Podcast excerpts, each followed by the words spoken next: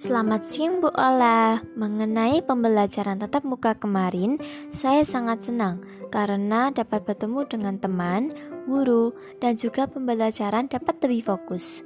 Walaupun harus berjaga jarak, kami pun tetap mengobrol sambil memakai face shield yang telah disediakan. Begitu pula dengan sekolahnya yang indah, sejuk, dan asri membuat kita bersemangat untuk belajar. Sekian dari saya, terima kasih.